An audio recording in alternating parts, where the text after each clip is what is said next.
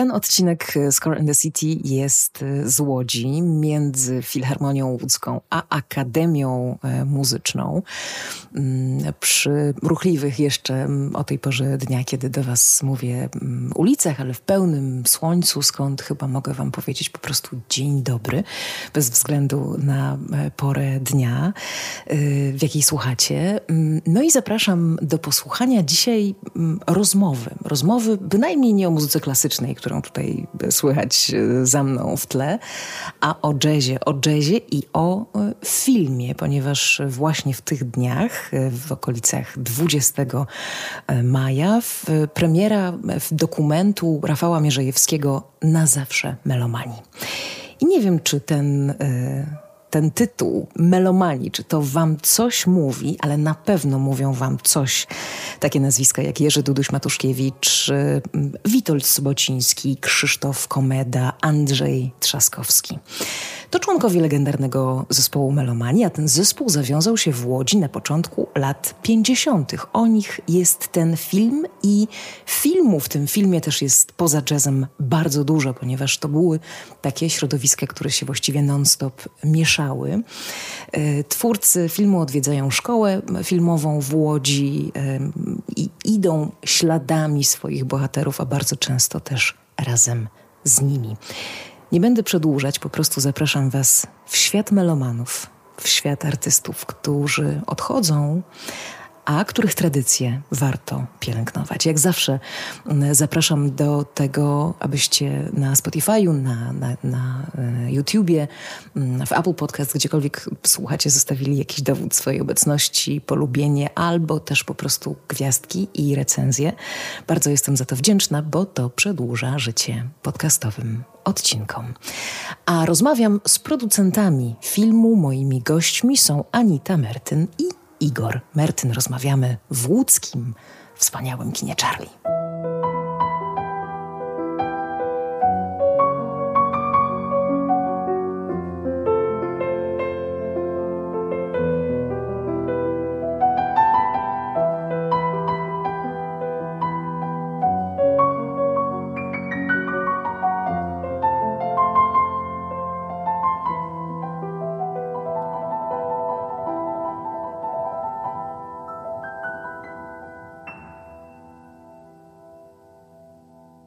To hasło wywoławcze melomanii odzywa się w głowach każdego, kto kocha jazz albo y, kocha polski film.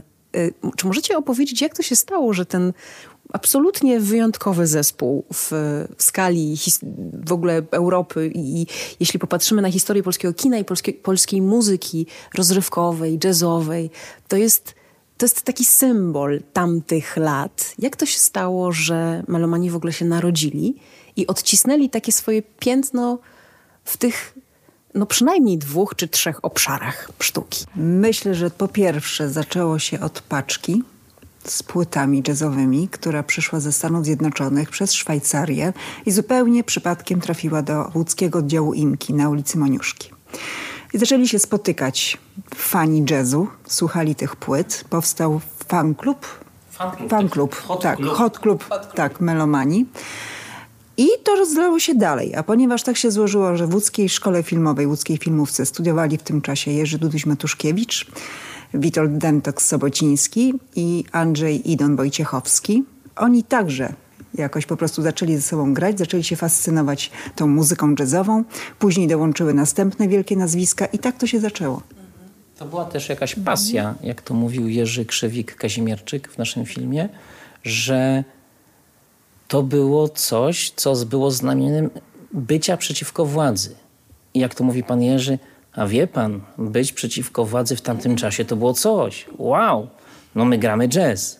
Muzykę zakazaną, muzykę przeklętą, jak to mówi Andrzej Makowiecki, ale też muzykę, która była nazywana muzyką imperialistów. A poza I... tym była to dla nich muzyka wolności, bo jazz jest muzyką mhm. wolności. No, gdzie szukać wolności, jak nie w szkole artystycznej, w szkole filmowej? U nas i w tej rozmowie zawsze i w waszym filmie pewnie też. Film i muzyka będą się na siebie nakładać. Dlaczego? Skąd w szkole filmowej? Jerzy Duduś-Matuszkiewicz. Czy wyście doszli do tego, jak, ta muzyka z tym filmem się nieustannie prze, przeplatały. I właściwie skąd to wynikało? Ja myślę, że to też jest y, jak w tej paczce troszeczkę przypadek, ale trochę trzeba pamiętać o tym, ponieważ jak, inaczej może, jak myślimy sobie Jerzy Duduś-Matuszkiewicz, czy Jan Ptaszyn-Wróblewski, czy Krzysztof Komeda-Trzciński, to raczej mamy już obraz taki zakodowany starszych panów, nestorów. No, nie może w przypadku Krzysztofa Komedy Trzcińskiego, który zmarł młodo, ale to już była osoba po 30 roku życia. A trzeba pamiętać, że w końcówce lat 40. i początku 50. to to byli młodzi ludzie, to byli buntownicy.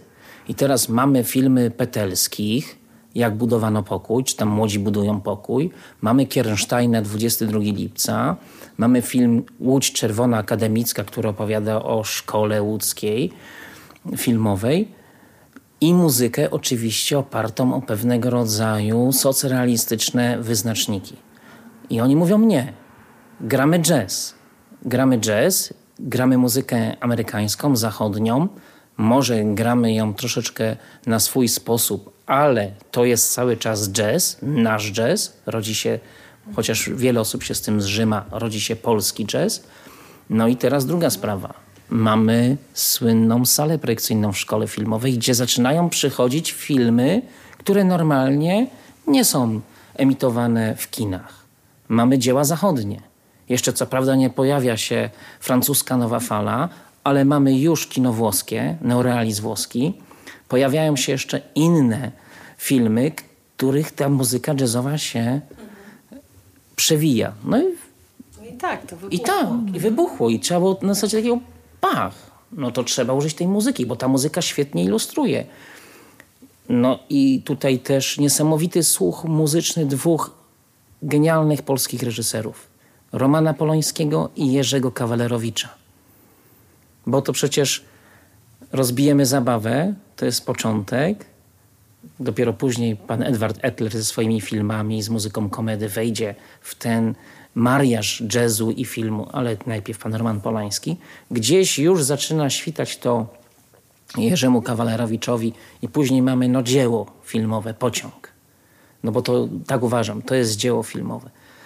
I te, te elementy muzyki jazzowej, dynamiki, ale też niesamowitego obszaru wolności wyznaczonej przez improwizację powodują, że to jest coś, co zaczyna ilustrować obraz i zaczyna się zazębiać i świetnie współgrać. Tak naprawdę nie wyobrażamy sobie tych filmów bez muzyki jazzowej bo to było tak naprawdę jedność. Jak myślimy o polskiej szkole filmowej, o filmach z tamtych lat, to od razu słyszymy jazz. To, chyba... to się potem już chyba nigdy aż tak nie przytrafiło polskiemu kinu, żeby miało tyle jazzu. Nie, to prawda. To takimi, os, takim ostatnim, y, można powiedzieć, pomostem między tym jazzem w filmie, a jazzem w filmach obecnych jest pan Janusz Majewski bo tutaj jest szereg filmów, gdzie on zawsze wykorzystuje, stara się wykorzystać muzykę jazzową. Zresztą to mówi między innymi w naszym filmie, że kiedy on ma jakąś opowieść w głowie i tutaj jest świetna jego opowieść o tym słynnym basenie w naszej szkole filmowej, a w zasadzie to fontannie, gdzie woda była do kolan i scenach, które się rozegrały w czasie filmu rozbijemy zabawę i on mówi, że jemu zawsze tym opowieściom towarzyszy jazz to jest jego muzyka, to jest muzyka jego życia, to jest muzyka jego wolności. Stąd te elementy. Ja pamiętam, że Andrzej Idon Wojciechowski do nas chyba kiedyś powiedział, że ludzie, albo, albo napisał, powiedział, że ludzie czasami szli do kina, oglądali film i nawet nie wiedzieli, że to, co słuchają, to jest jazz. A jazz był porywający. Pamiętajmy, że wtedy to był jazz, muzyka do tańczenia też. No właśnie, melomani chyba zaczynali też od muzyki tanecznej, prawda? Ten, ten, y, oni, się, nie wiem, czy bardzo zmieniali, to zaraz was zapytam, a najlepsza odpowiedź pewnie w filmie y, też, też jest. powiedzmy sobie, kto występował pod szyldem melomanii. Y, zbierzmy te nazwiska do kupy. No to tak jak na początku wymienialiśmy, czyli był Jerzy Duduś-Matuszkiewicz, Witold Dentok-Sobociński, Andrzej Idon Wojciechowski, Krzysztof Komeda, y, także Andrzej Trzaskowski, Alojzy Tomys, Tomys, I Antoni Studziński. I Antoni Studziński, tak. Dochodził Nadal jeszcze... żyjący. Tak. Antoni Studziński, tak zwany młody, bo miał taką ksywę. Wszyscy mieli. Tak, wszyscy mieli ksywę. Witek Kujawski. No i Witold Kujawski, Witold Kujawski. kontrabasista. Y, Antoni Studziński ma 90 lat i ciągle jest w formie i cieszymy się bardzo. Zresztą będzie na premierze filmu. Zobaczy tą historię swoją, bo to jest też jego historia jeszcze raz.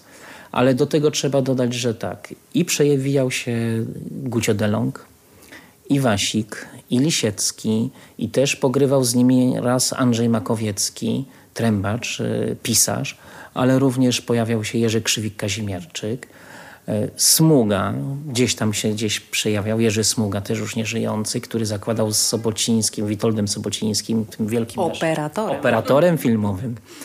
I, i An- właśnie, to niech, niech nas nie zmyli Jerzy Duduś Matuszkiewicz na Wydziale Operatorskim Tak w Szkole Filmowej, Witold Sobociński na tym samym wydziale, obaj muzykujący, Duduś idący potem totalnie w stronę muzyki. A Wojciechowski Andrzej na, Wojciechowski na produkcji. na produkcji. I y, wtedy założyli taki zespół trio George'a na cześć George'a Gershwina. Ale później gdzieś tam jeszcze te osoby, które gdzieś przewijały się przez te różne zespoły, składy na dżemach z melomanami bardzo często grali.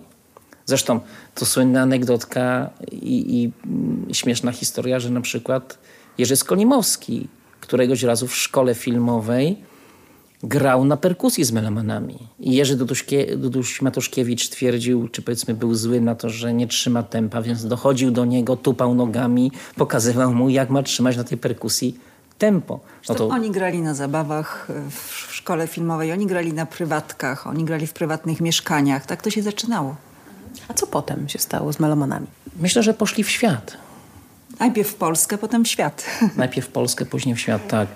Bo przecież Andrzej Trzaskowski, prócz oczywiście tutaj wspomnianej muzyki Artiszoła, którą zaaranżował z, ze słynną wokalizą Wandy Warskiej, był pierwszym pianistą, pierwszym muzykiem jazzowym, który zagrał ze Stanem Gecem za żelazną kurtyną. To był 1960 rok. To wydarzenie. Tak by dzisiaj chyba Rihanna przyjechała i, i ktoś z naszych muzyków by grał. Słuszne porównanie, tak. Słuszne, jeśli chodzi o skalę O skalę. Tak. fejmu, tak? No Jerzy Duduś Matuszkiewicz. Y, Chyba Przemek Dyjakowski powiedział, że to jest ponad setka filmów. Ponad setka Na filmów. pewno więcej nawet, bo to jest jakby tak policzyć, Bo wojna, wiesz, na, na palce. Spętałem drugą wojnę światową, stawka większa niż życie, No poszukiwany, poszukiwana, czterdziestolatek, no masa. można by długo wymieniać. Komeda, no to wiadomo. Krzysztof Komeda A Czyciński, czy wiadomo. jest jakiś taki moment, kiedy melomani kończą działalność, czy oni się nigdy oficjalnie nie rozwiązali? Rozwiązali się, rozwiązali się. Ym, oczywiście w tym naszym filmie, jak i w ogóle w całej historii mamy kilku, kilka wersji, jak powstali melomani i jak się rozstali. Właściwie każdy meloman ma własną wersję na temat tego, jak powstali i jak zespół został rozwiązany. Ale generalnie można powiedzieć, że pierwszy taki moment to było już po festiwalu w Sopocie, w pier- pierwszym festiwalu w Sopocie, czyli po 56 roku, gdzieś pod koniec. A drugi moment to chyba ten, kiedy jednak zaczęły funkcjonować dwa składy, bo tak jak y, trzeba zauważyć, Andrzej Trzaskowski jednak to, który był genialnym pianistą, szedł w kierunku jazzu nowoczesnego. Duduś Matuszkiewicz bardziej chciał pozostać z, na przykład z Delongiem, z Sobocińskim, czy nawet z Antonim Studzińskim, bardziej przy jazzie tradycyjnym, trochę swingującym, trochę powracającym do tych szlagierów, elementów jazzu przedwojennego. W związku z tym tu już się zaczęło rozjeżdżać. A takim chyba momentem, kiedy oni sami, może raz chyba zgodnie powiedzieli, to było wtedy, kiedy Melomani jako pierwszy taki zespół, jeszcze bohater bojów katakombowych, jak to Tyrmand napisał i powiedział, zagrali w Filharmonii Warszawskiej. I Jerzy Duduś Matuszkiewicz powiedział wtedy, że w zasadzie jego misja się skończyła. On wprowadził jazz do Filharmonii i tutaj jego misja już by skończona. I to powiedział też w wywiadzie, to też mówi w filmie, potwierdza to Jan Ptaszyn-Wróblewski chociażby. Co noc, co noc po mieście niesie się jazz. Jazz.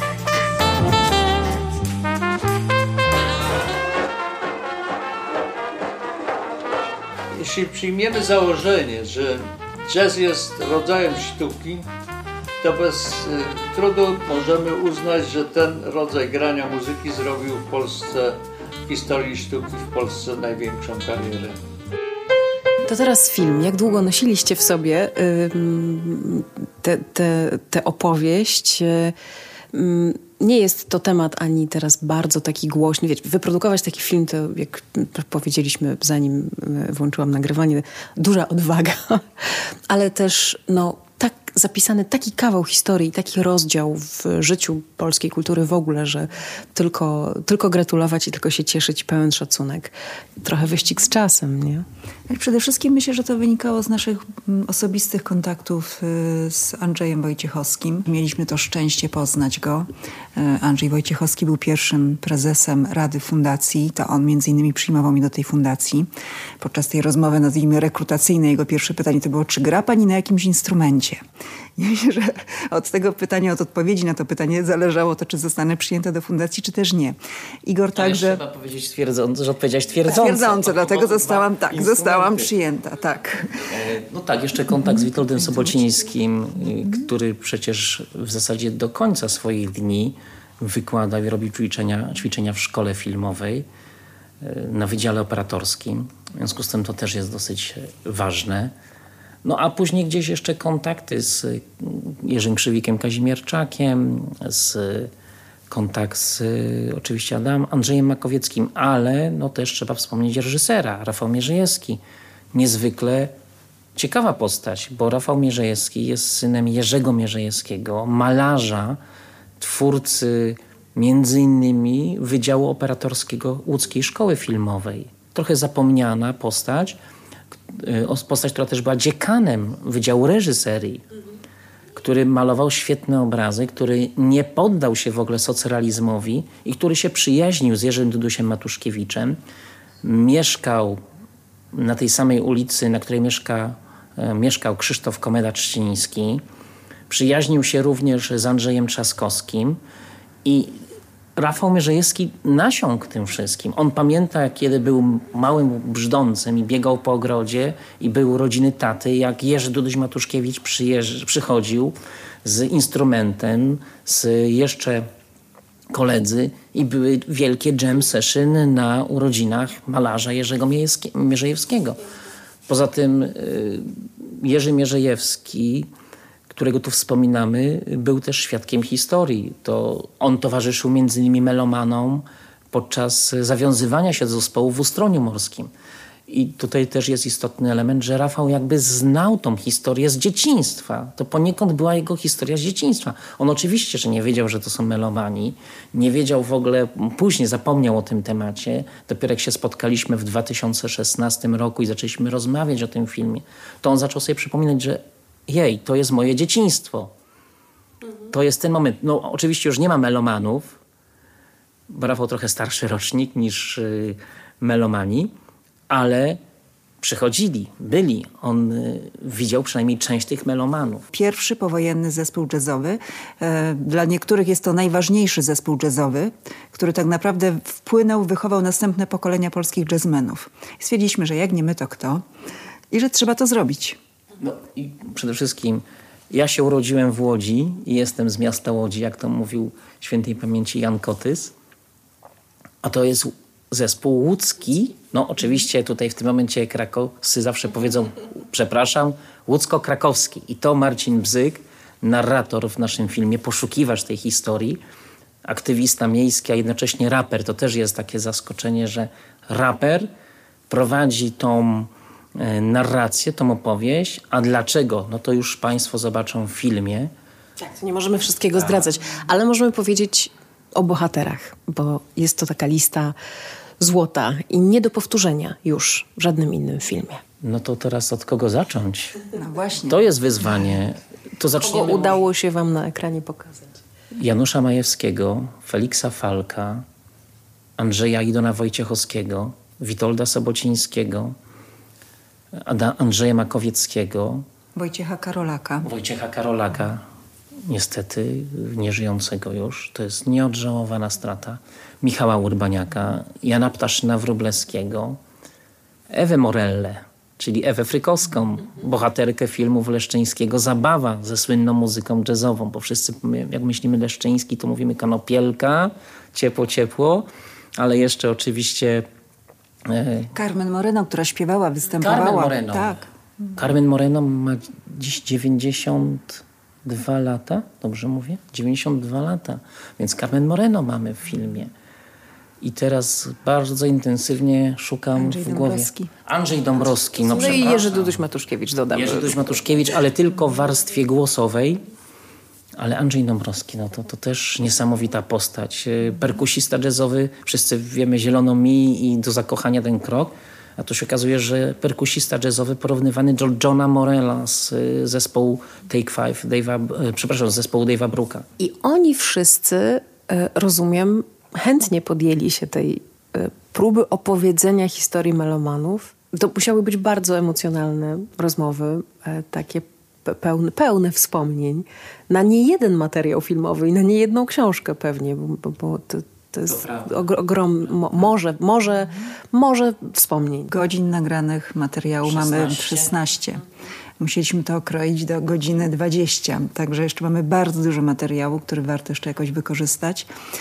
Słuchało się tego z wypiekami na twarzy, naprawdę. Każde takie spotkanie to jakby ogrom, taki osobny mikroświat związany z melomanami, a przetworzony przez osobowość, także przez twórczość osoby, z którą rozmawialiśmy. Ale to też mikroświat filmu. Tak. To, co Janusz Majewski opowiada. Ja jeszcze zapomniałem, bo a propos emocjonalnych wystąpień, no Antoni Studziński. Drugi, drugi perkusista tak. jazzowy Melomanów. Był, było dwóch perkusistów melomanów, Witold Sobociński i Antoni Studziński. Które się zamieniali y, instrumentami, tak? tak? Bo tak. podobno, mhm. kiedy w jednym składzie byli i Trzaskowski i Komeda, no to nie mogło być dwóch pianistów. Nie mogło być dwóch pianistów. Tutaj Wojciech Karolak opowiada o tym, yy, dlaczego nie mogło być dwóch pianistów. Wtedy, wtedy faktycznie Andrzej Trzaskowski grał na harmonii. Na akordeonie. akordeonie przepraszam. A w momencie, kiedy Antoni Studziński wchodził na perkusję, to, co jest dosyć e, charakterystyczne i to widać w paru filmach, między innymi Dzwońcie do mojej żony, taki czeska produkcja z 57 roku, gdzie do dzisiaj nie wiadomo jak to jest możliwe, że Czechosłowacja wyprodukowała taki film z jazzem, polskim jazzem, gdzie wtedy Witold Sobociński gra na puzonie. I to jest dowód, że Witold Sobociński, operator filmowy, grał na puzonie. Nie tylko na perkusji i na gitarze, ale też na, na puzonie.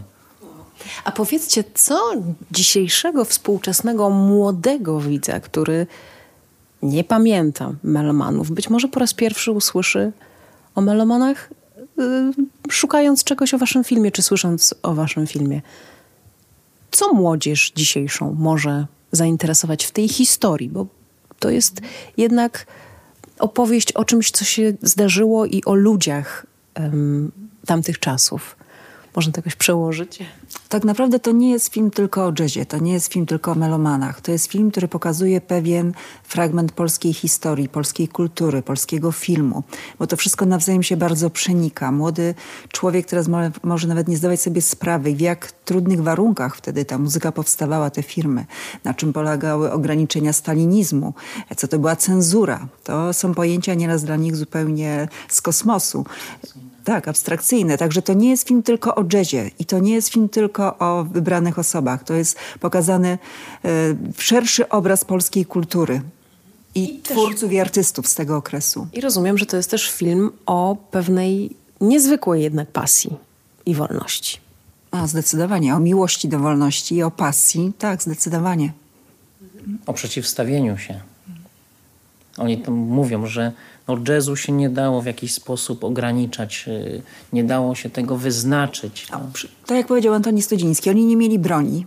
Oni nie walczyli bronią. Oni walczyli za pomocą instrumentów, z systemem, z ograniczeniami. Y, w ten sposób się sprzeciwiali. To była ich forma walki. Powiedzmy o drodze filmu, czyli o tym, gdzie będzie można zobaczyć film po pokazie 20 maja w Łodzi, y, na który zapraszamy, ale potem festiwalowa i nie tylko droga. Opowiedzcie, gdzie na zawsze melomanów będzie można spotkać. Do 23 będzie też pokaz jeszcze czerwca. przedpremierowy czerwca w Warszawie. Natomiast później celujemy faktycznie w festiwale i zobaczymy, jak to się rozwinie.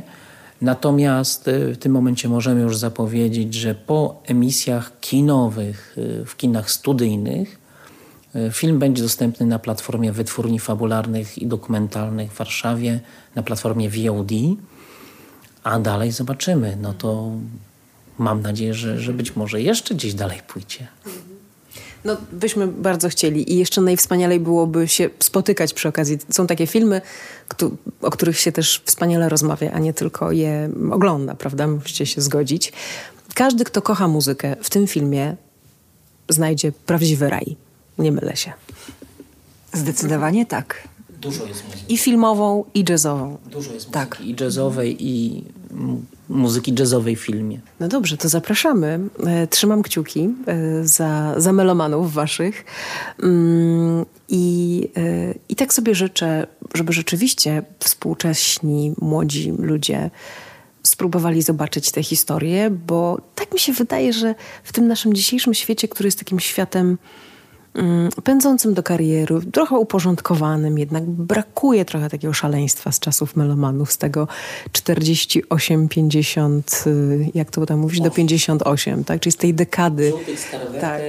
przy krótkich spodni, y, specjalnych y, spotkań, na których, na których aktywiści ZSMP, wtedy chyba z Związku Młodzieży Polskiej jeszcze, opowiadają o tym, że Studenci Sobociński, Matuszkiewicz, Wojciechowski, Gruza zachowują się niezgodnie z etyką młodzieży socjalistycznej, grają po knajpach jazz. Tego nam nie brakuje. No, chciałam... ale, ale tak. Na przykład imprez, na których tańczymy przy jazzie tak. i bawimy się przy jazzie. Na zawsze melomanii. Dziękuję wam bardzo i do usłyszenia. Dziękujemy, do usłyszenia. Do zobaczenia w kinach.